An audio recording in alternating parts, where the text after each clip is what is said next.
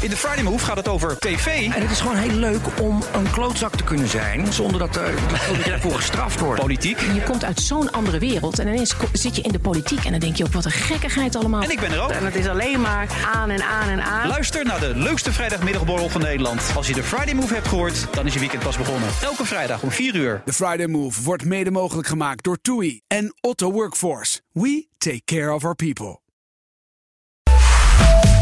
BNR Nieuwsradio. Boekenstein en de Wijk. Jan Postma. Nederland mag aanschuiven bij de grote jongens. Er zijn grote ambities als lid van de VN-veiligheidsraad. We will have no choice but to totally destroy North Korea.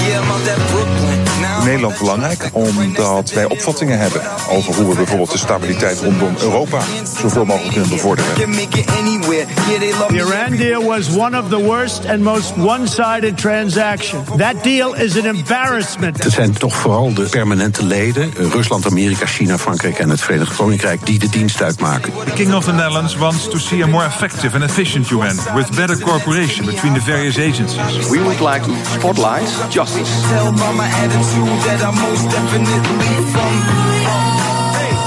Ja, in New York aan de United Nations Plaza nummer 1 om precies te zijn. Daar moeten die mooie Nederlandse ambities als tijdelijk lid van de Veiligheidsraad vorm krijgen. Wat zijn onze doelen en wat gaat daarvan terechtkomen? Zo tussen dat gekrakeel over Noord-Korea en Iran door.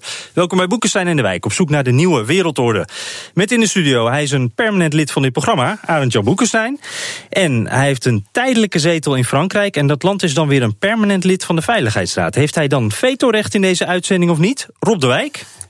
Persoonlijk vind ik van wel. Ja, dat dachten we al. Dat we eigenlijk helemaal niet te vragen. Hè? Maar wij, wij kunnen het knopje naar beneden schuiven.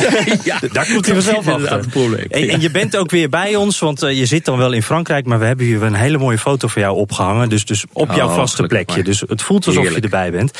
En Ja. te gast, hij kent de VN als zijn broekzak. En als gast heeft hij natuurlijk altijd vetorecht. Buitenlandcommentator en oud-Amerika-correspondent Paul Bril. Welkom. Hallo, hoi. Heel eh, fijn dat je er bent, Paul. Eh, ook jarenlang de VN gevolgd als correspondent. Eh, ja, in mijn ogen toch een groot logapparaat met hele specifieke regeltjes. Dan denk ik, kan Nederland daar dan het verschil maken in dat ene jaar dat we hebben? Nou, in ieder geval de diplomaten zelf denken van wel. Ik herinner het me omdat ik, eh, dat was zelfs nog voor mijn correspondentschap, was ik in 83, 84. Dat was de voorlaatste keer dat Nederland lid was van de Veiligheidsraad. Toen was Max van der Stoel de speciale VN-ambassadeur, want toen werd dat nog zo geregeld. En ehm, nou, toen heb ik daar samen notabene met Jan Blokker, toen eh, adjunct hoofdredacteur van de Volkskrant, eh, bij hem geluncht en, en bij een aantal mensen van zijn missie. En ik herinner me nog dat al die diplomaten, je zag de borst vooruit, de neus vooruit, ze waren plotseling belangrijk. Iedereen wilde met hen praten. Het is natuurlijk een beetje de hoogmis van de diplomatie. In ieder geval zo zien diplomaten het zelf. Ja, maar je zegt al, zo zien diplomaten dat zelf. Maar in de praktijk klinkt het dan wel door, is het toch wat minder? Nou ja, kijk, dat ligt aan hoe belangrijk je de Verenigde Naties vindt en hoe belangrijk de Veiligheidsraad. Nou, eh, belangrijk ja, maar effectief en slagvaardig nee. Nee. Ja, Rob, wat denk jij? Kunnen wij daar dan wel het verschil in maken? Nou ja, dat denk ik hangt helemaal van de omstandigheden af. Eh, als er moet worden gestemd in eh, de Veiligheidsraad en jouw stem kan de doorslag eh, geven en er komt geen veto, dan kun je wat voor elkaar krijgen. Dat is bijvoorbeeld in 2002 eh, eh, geprobeerd door de Amerikanen. Die wilden een resolutie hebben van de Veiligheidsraad om, om Irak binnen te vallen. Nou, dat is toen niet doorgegaan, omdat eh, ze de voldoende, eh, nou, onvoldoende stemmen daarvoor konden krijgen. En dan zie je dus dat, eh, dat die niet-permanente leden ineens buitengewoon belangrijk gaan worden. En als je ook gaat kijken in die tijd, wat er vervolgens gebeurd is in. Oost-Timor. Eh, toen heeft Van Walsem, die was toen eh, eh, onze man bij de Verenigde Naties, die heeft er toch voor gezorgd dat, er, dat de Veiligheidsraad een belangrijke rol speelde in het oplaaiende geweld. Althans, om ervoor te zorgen dat het nou juist niet gebeurde. En dat kwam omdat Van Walsem, de minister van Buitenlandse Zaken van, van Indonesië goed kende, die toevallig ook nog een keer Nederlands sprak. En nou ja, zie je dus dat een aantal dingen gewoon geregeld kunnen worden. Met andere ja. woorden, ik denk dus dat je geen agenda kan afwerken. Eh, want daarvoor is trouwens ook een jaar veel te kort. Maar ik denk wel dat je incidenteel, als het op stemmingen aankomt, als het om bepaalde crisis aankomt waar uh, ja, een mediatie nodig is, dat je het wel voor elkaar krijgt om een verschil te kunnen maken. En bovendien vind ik dat je altijd aan tafel moet zitten in zo'n belangrijk orgaan. Ja, ja, ja. Arend Jan, uh, is het dan ook een beetje pick your battles? Nou ja, zeker. Maar het is, niet onbelangrijk hoor, wat er nu gebeurt. Nederland is dus, heeft van de grote mogelijkheden toegespeeld gekregen... het voorzitterschap van het sanctiecomité ten aanzien van Iran... en ten aanzien van ja. uh, uh, Noord-Korea. Nou, dat is nu ongelooflijk hot. Uh, kennelijk wordt Nederland op die positie vertrouwd. Als uh, Ivoorkust of zo was het misschien niet gebeurd. Hè? En dat zijn dingen die heel erg nu spelen. En uh, laten we even wel zeggen, het is het hoogste orgaan van de VN. Dat gaat over vredesmissies, dat gaat over sancties. Mm -hmm. Dus stel je voor dat er een bepaalde krachtveld er is... en dat gunstig is voor een klein land om te bemiddelen... nou, dan kan het best interessant zijn. Ja, Paul Bril, dus die, die dossiers, die commissies die we hebben gekregen... Arend Jan die zegt van, nou ja, als wij Ivoorkust waren geweest... hadden we die misschien niet gekregen. Dus dat is ook wel een soort compliment. Dit zijn wel zware dossiers? Ik zou het niet een compliment noemen, want het, het weerspiegelt simpelweg de krachtsverhouding. Ik bedoel, Ivoorkust is een, een, een, echt een klein Afrikaans land uh, met een zwak ontwikkelde uh, diplomatieke dienst. En wij zijn natuurlijk, nou ja, hoe je het ook went of keert, binnen Europa een middelgroot, ja, mag je ons best een middelgroot mm. land noemen. En we hebben in ieder geval een zeer sterk, goed ontwikkelde oude diplomatie. Dus er is veel expertise en kennis. En, en het ene rolerende land is dus niet het andere? Absoluut, absoluut niet. Nee, natuurlijk niet. Nee. Als we kijken naar de, belangrijkste dossiers, uh, Paul, wel, welke zou jij dan noemen voor Nederland? Kijk, er, er, er, speelt natuurlijk iets raars als het gaat om hoe wij spreken over dat Nederlands lidmaatschap van de Veiligheidsraad. Want het is nu heel erg verkocht als wij gaan, de, wij gaan de, de, het multilateralisme bevorderen. En, en, en we gaan ons inzetten voor conflictbeheersing. En we gaan de mensenrechten gaan we bevorderen. En we gaan de vrouwen in, in participatie gaan we steunen. En het woord dat heel weinig valt is nationaal belang, Nederlands belang. En um, nou, nou is er niks mis met multilateralisme. Natuurlijk, dat is voor een deel ook Nederlands belang. Mm. Maar multilateralisme en Nederlands belang is niet exact hetzelfde. Het overlapt elkaar niet volledig. Ik, ik moest, uh, als ik even een snel een anekdote mag vertellen. Um, uh, over Jozef Luns, onze grootste minister van Buitenlandse Zaken. Uh, letterlijk en figuurlijk. in, in de jaren 50 kwam er een jonge ambtenaar op BZ werken. En die, die werd gestationeerd in uh, New York bij de, uh, bij de missie, de Nederlandse missie, bij de VN-missie. En uh, hij mocht even bij lunch op audiëntie komen. Wat toen de tijd nog niet zo gewoon was, want niet alle ambtenaren zagen de minister. En toen vroeg Luns dus aan, aan deze jonge ambtenaar wat, wat hij dacht in New York te gaan doen. En toen zei die ambtenaar, nou, ik wil graag een bijdrage gaan leveren aan de, het ontstaan van de internationale rechtsorde. En toen ging Luns moeilijk zitten, fronste zijn wenkbrauwen en zei: Meneer, luistert u eens. U gaat naar New York en uw eerste taak is het behartigen van het Nederlands belang. Dan komt er een hele tijd niets. En dan is uw tweede taak het behartigen van het Nederlands belang. En als u dan nog tijd over hebt, en liefst in uw eigen vrije tijd, mag u wat doen aan de internationale rechtsorde. Nou, Netherlands first, uh, Rob. Nou ja, maar dat vond ik ook uh, hoor toen ik uh, dat stuk las uh, van, van het kabinet van de beide ministers over de de inzet in de VN-veiligheidsraad 2018 uh, aan het parlement. Toen dacht ik, ja, dat is toch wel erg pretentieus. Ik bedoel, daar staat in het voorkomen en stoppen van grootschalig menselijk lijden. Nou, uh, daar is volgens mij de VN-veiligheidsraad niet de afgelopen jaren echt in geslaagd. En uh, Nederland zal daar denk ik ook geen echte bijdrage kan kunnen leveren. En dat geldt ook voor een ander, voor een ander punt wat erin wordt gemaakt. Van de grondoorzaken van conflicten. Ja, dat proberen we volgens mij al 50 jaar. Dat is dus mm -hmm. ook niet gelukt. En dat gaat, vind ik, voorbij, uh, dit stuk. Uh, is erg ideologisch en erg idealistisch. Uh, aan hoe de internationale betrekkingen werken. Maar wat zou er dan wel in moeten staan? Ja, ja, hoe je inderdaad het nationaal belang gaat, nou ja, gaat bevorderen. En, en zeker rangorde. En, en, en, hoe je gaat bemiddelen. Ik bedoel, volgens mij dat jaar dat staat in het teken van incidenten. Dat staat er eigenlijk bijna altijd in het, binnen de Verenigde Naties. Dus hoe ga je in op, op dat soort incidenten en hoe kan je dan het verschil maken? Dat is dus het diplomatieke handwerk waar Nederland best goed in is. En dat is hartstikke goed. En dan moet je dus ook gewoon, gewoon ja, proberen.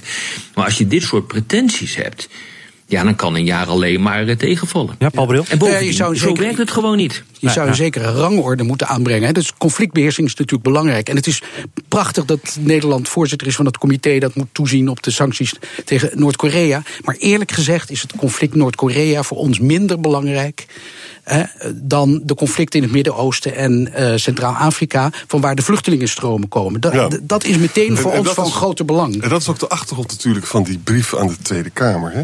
Hier klinkt natuurlijk, een hele kabinetsformatie klinkt hierin door. Hè. Sigrid Kaag wil ja. natuurlijk grondoorzaken van vluchtelingenstromen mm -hmm. oplossen. Dat is overigens ook als de uh, EU vergadert uh, en ze praten, dan hebben ze het daar ook over. Er moet een ontwikkelingspoot zijn en er moet ook een, een andere manier van visumverstrekking zijn. Dus dat gebeurt dan. Het probleem van, van dit soort enorme uh, uh, dossiers is dat je daar natuurlijk in een jaar, jaar niet zo heel veel aan kan doen.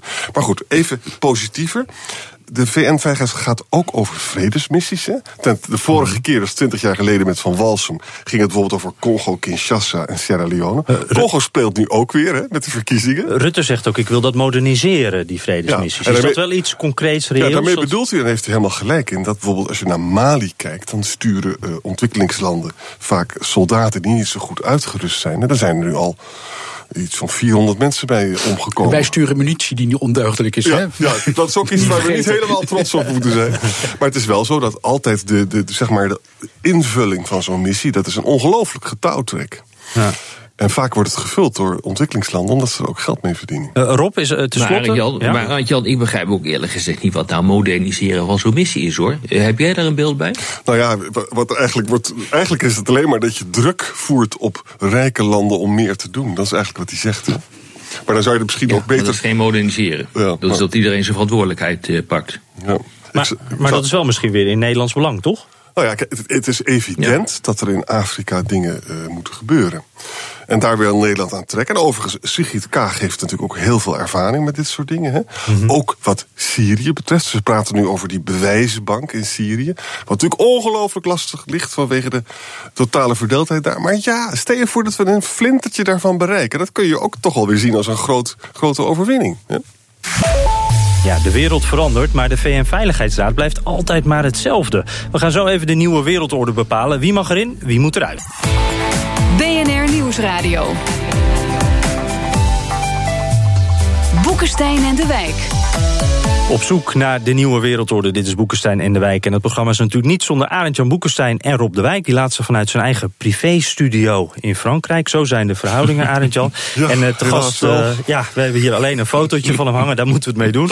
Uh, te gast Paul Bril, buitenlandcommentator en ook oud-correspondent in de VS. Mijn naam is Jan Posma en we praten verder over de VN-veiligheidsraad en de Nederlandse rol daarin. Ik wil even een klein turbo-ronde ertussen plaatsen. Want er zijn even twee dingen die ik nog graag wil bespreken voordat we het gaan hebben over de VN als organisatie in het algemeen.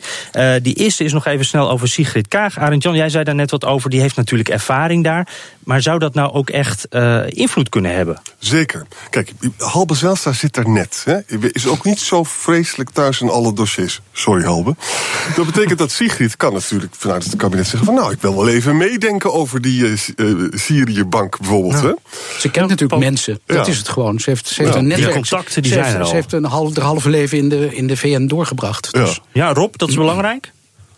Absoluut. Nee, ja, daar heb ik niks aan toe te voegen. Dat is natuurlijk gewoon zo. Nou, dat is heel mooi in een turbo-ronde. Uh, dan nog de MH17. Dat is toch een dossier internationaal waarvan veel gezegd wordt... nou, dat zou dan een moment kunnen zijn als wij in die Veiligheidsraad zitten... dan kunnen we daar misschien ook wat extra's aan doen. Arend Jan?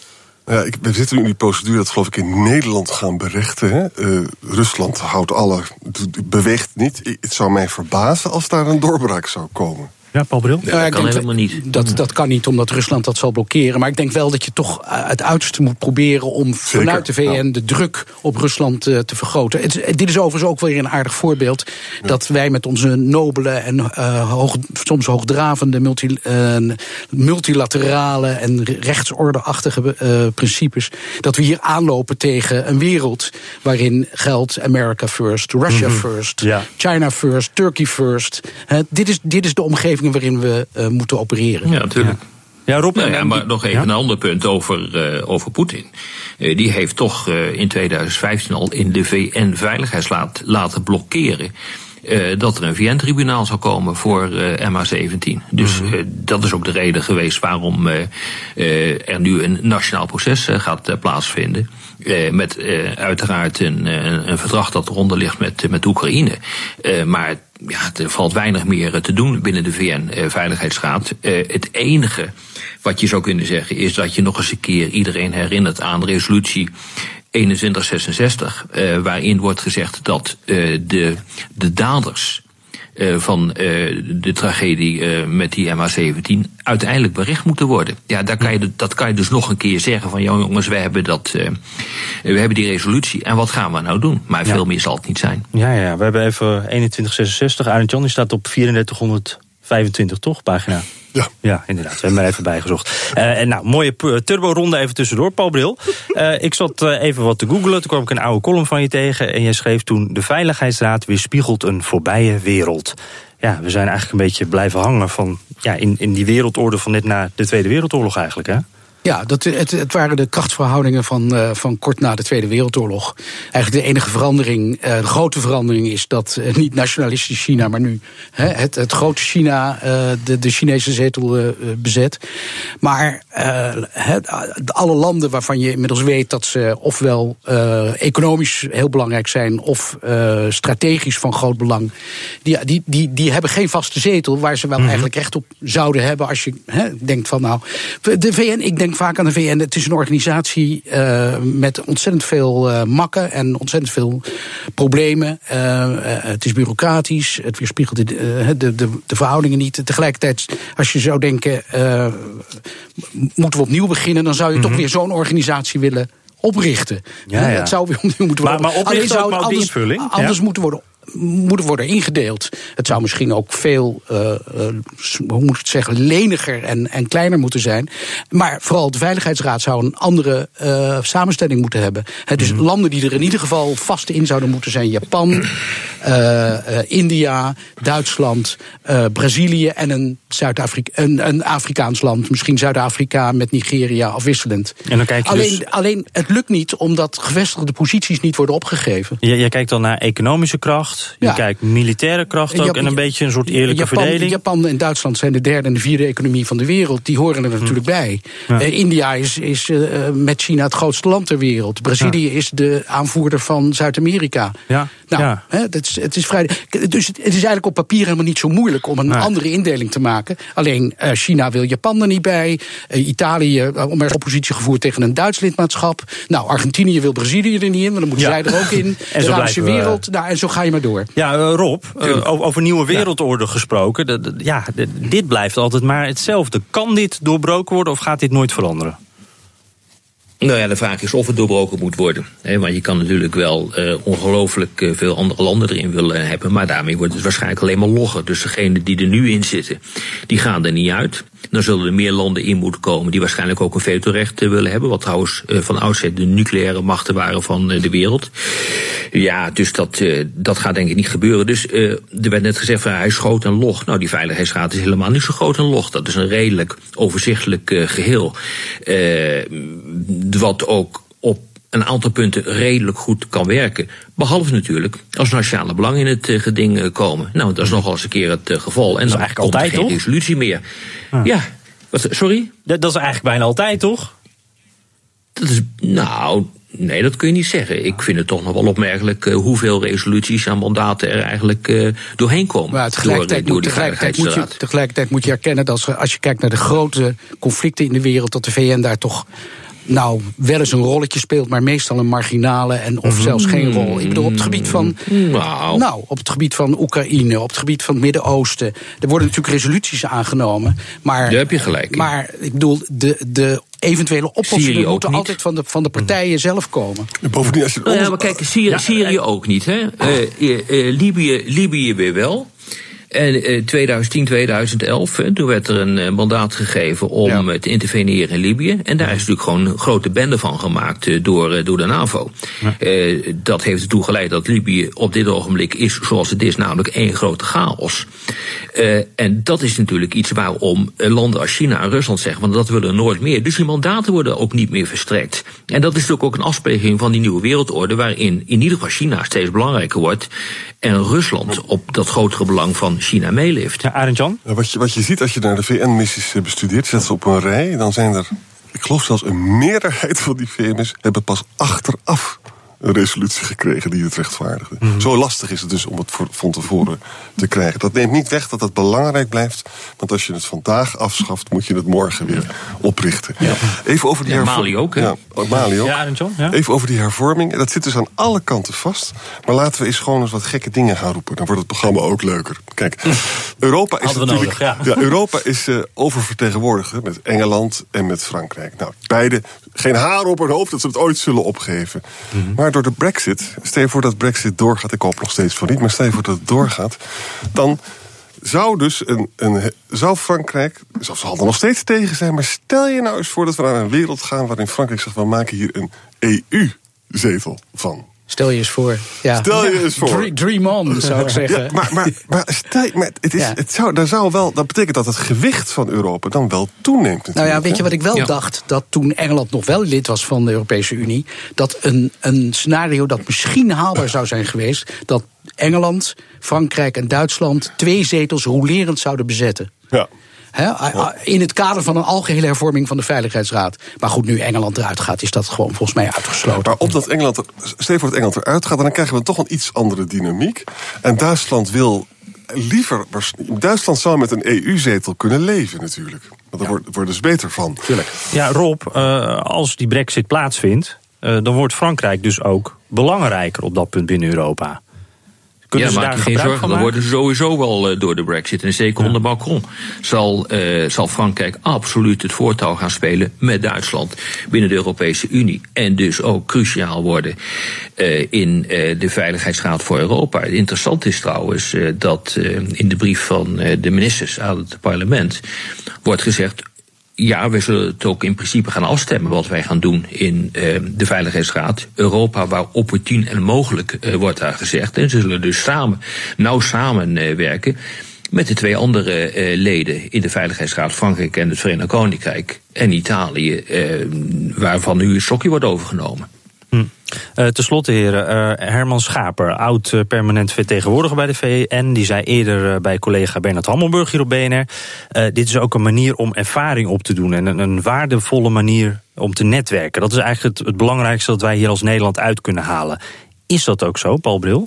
Ja, netwerken vind ik toch niet helemaal het hoogste doel van je, van je lidmaatschap van de Veiligheidsraad. Ik zou zeggen. Misschien wel het hoogst haalbare. Nou, ik denk, ik denk eerlijk gezegd dat uh, de, de vroegere uh, Britse premier Harold Macmillan zei ooit toen hem gevraagd werd uh, wat hij het meest vreesde: events, my dear boy. ja, ja. En ik denk dat als er nou in, dat, in die maand dat wij voorzitter zijn, dat Nederland het voorzitterschap van de Veiligheidsraad heeft, als er nou iets groots gebeurt en Nederland kan dan aantonen dat het de diplomatieke souplesse en kracht heeft om in een crisissituatie iets voor elkaar te krijgen. Zoals inderdaad in, eh, bij de vorige keer in Oost-Timor mm -hmm. is gebeurd. Ja, daar win je, daar win je punten mee. Ja, Arend Jan? Dat is, is, absoluut waar.